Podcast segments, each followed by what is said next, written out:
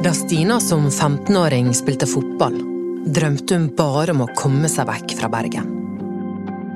I dag bruker hun de samme metodene som radikale grupper og kriminelle gjenger for å skape samhold og fellesskap på fotballbanen på Møhlenpris.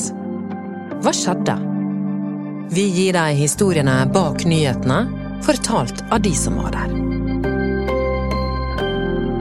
Jeg er Anna Magnus.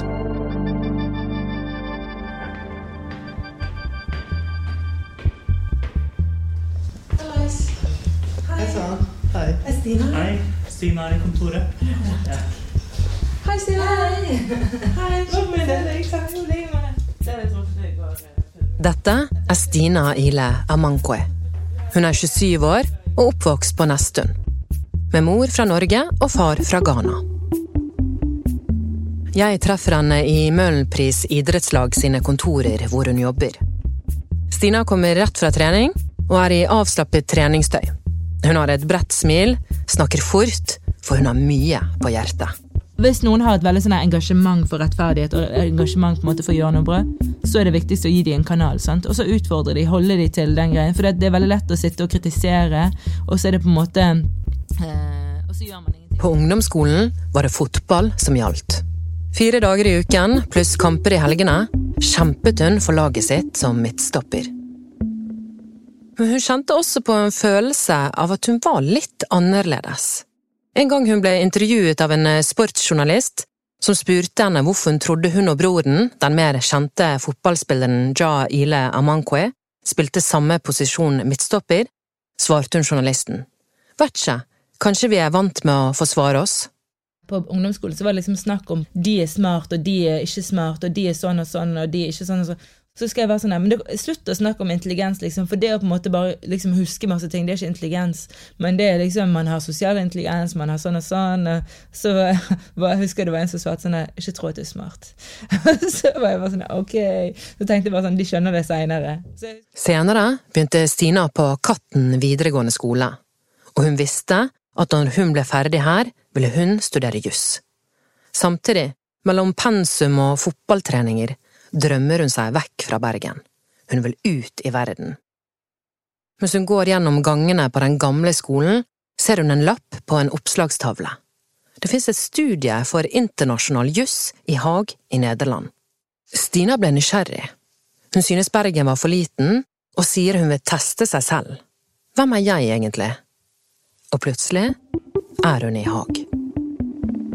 Det var et sjokk for systemet. sant? Og det som er veldig morsomt å komme til et annet land, er at du, liksom, du blir veldig obs på hvor norsk du er. Så jeg var sånn Å, herregud, er det sånn? Er det sånn? Og... Men så liksom Stina tilbringer over fire år i utlandet. Hun vet hva hun vil. Hun trives med å være rundt folk med ulik kulturell bakgrunn. Hun kjenner mening. Å dra hjem igjen frister ikke. Så jeg kunne aldri tenkt meg å flytte tilbake til Bergen. Liksom. Det var det siste jeg ville. Hun bestemmer seg for å utforske Karibien. Hun sender flyttelasset av gårde hjem til Nesttun, mens hun pakker ned det hun trenger for å leve på ubestemt tid i Karibien. Og så setter hun seg på toget for å rekke flyet sørover. På vei inn på flyplassen oppdager hun det. Lommeboken, passet, pengene, alt sammen ligger igjen i passasjersetet på toget. Stina har ikke noe valg. Hun må dra hjem til Norge.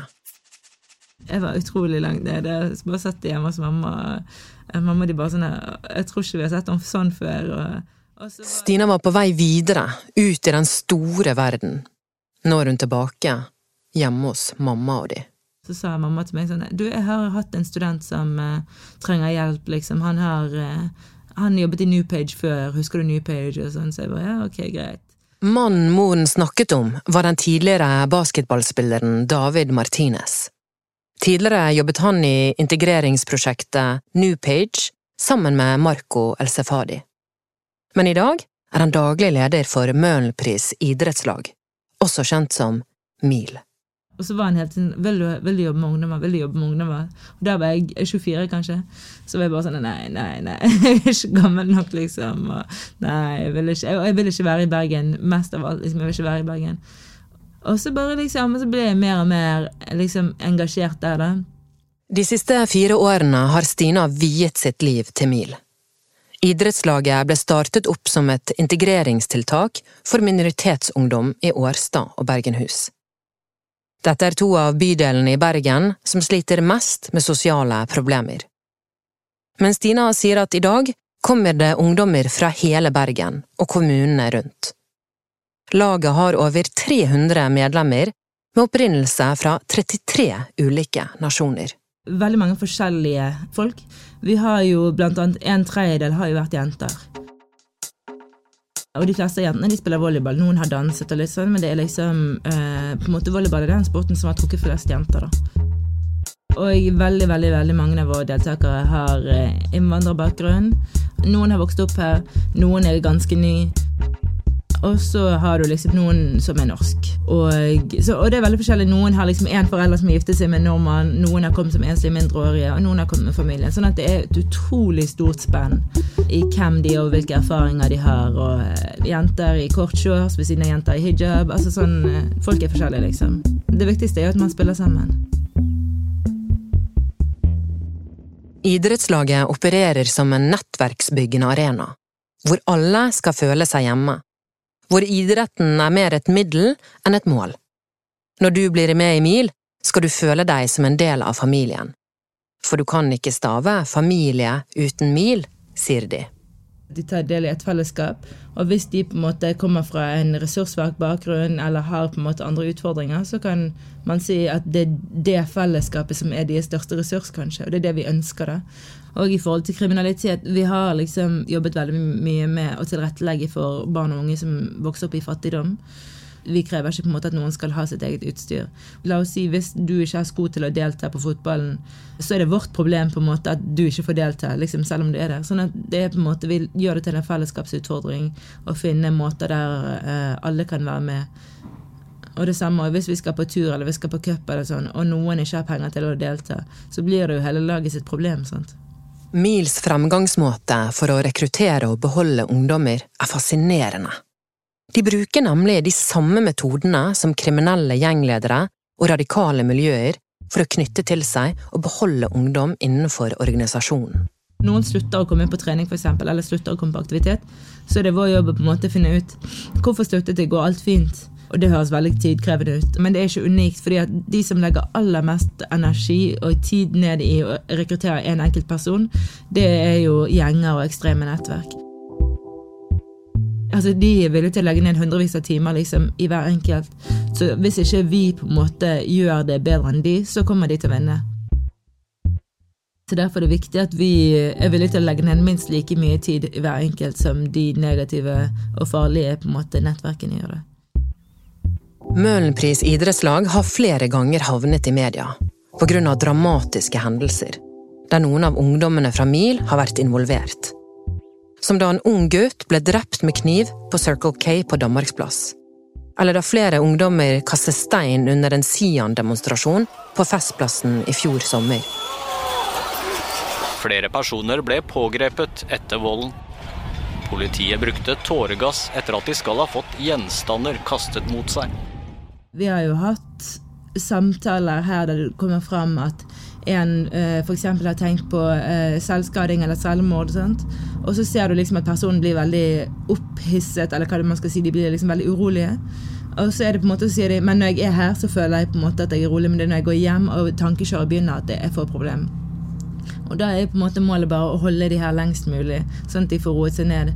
Eh, og på en måte stabilisere de før, Og de kan ikke gå ut i den tilstanden, for det er da man får et problem. Sånn at Da må du bare være kreativ og finne ut hvordan kan jeg holde deg her lengst mulig. liksom når man har mange situasjoner sånne på rad, og det skjer ofte når man har hatt en stor hendelse, sånn som Sien-demonstrasjonen, eller sånn som f.eks. det drapet på Circle K osv., så, videre, så kommer det veldig mange sånne hendelser på rad, og da er det veldig vanskelig å få tid til å gjøre noe annet. sant? Sånn at Det er òg en sånn vanskelighet med å bare jobbe med det med å bygge relasjon og tillit, for det må være der når det brenner. Det er på en måte det første kravet. PST sin trusselvurdering fra 2020 pekte på at ekstrem islamisme og høyreekstremisme vil være noen av de største terrortruslene mot Norge. Disse gruppene jakter på de samme ungdommene som Stina jakter på. Veldig mange ungdommer har tilgang på utrolig mye informasjon i dag, eh, og så har de ikke fått verktøyene nødvendigvis til å analysere det. Sånn, de tyr til ekstremt enkle løsninger for komplekse problemer.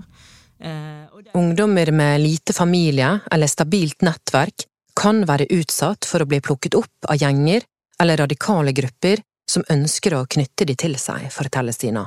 Så lenge du går på skole eller er i et sånn ordinært løp, så du, måte, blir du hele tiden matet med det normale. sant? Mens med en gang du liksom trer ut av det, det er da du på en måte har tid til å dyrke helt sånne alternative ideer, og, eller leve på en måte som om du er i et annet land på nett, men du er i Norge. sant?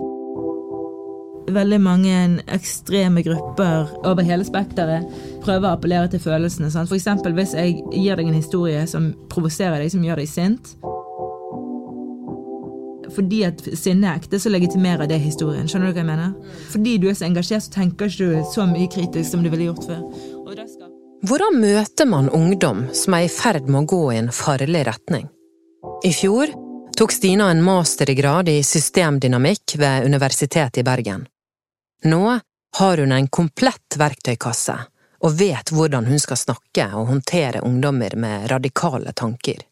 Hjelper det å gi verktøy til å på en måte kanskje sette det inn i et større kontekst, og da blir det ofte òg mindre ekstremt. Sant? Fordi at ok, greit, her må jeg holde hodet litt kjølig, for det er flere faktorer enn det dere er med i utgangspunktet, eller du må bruke de tingene som de bryr seg om, da. Stina mener at det er flere ungdommer i Bergen som har vært forsøkt rekruttert til radikale grupper eller kriminelle gjenger.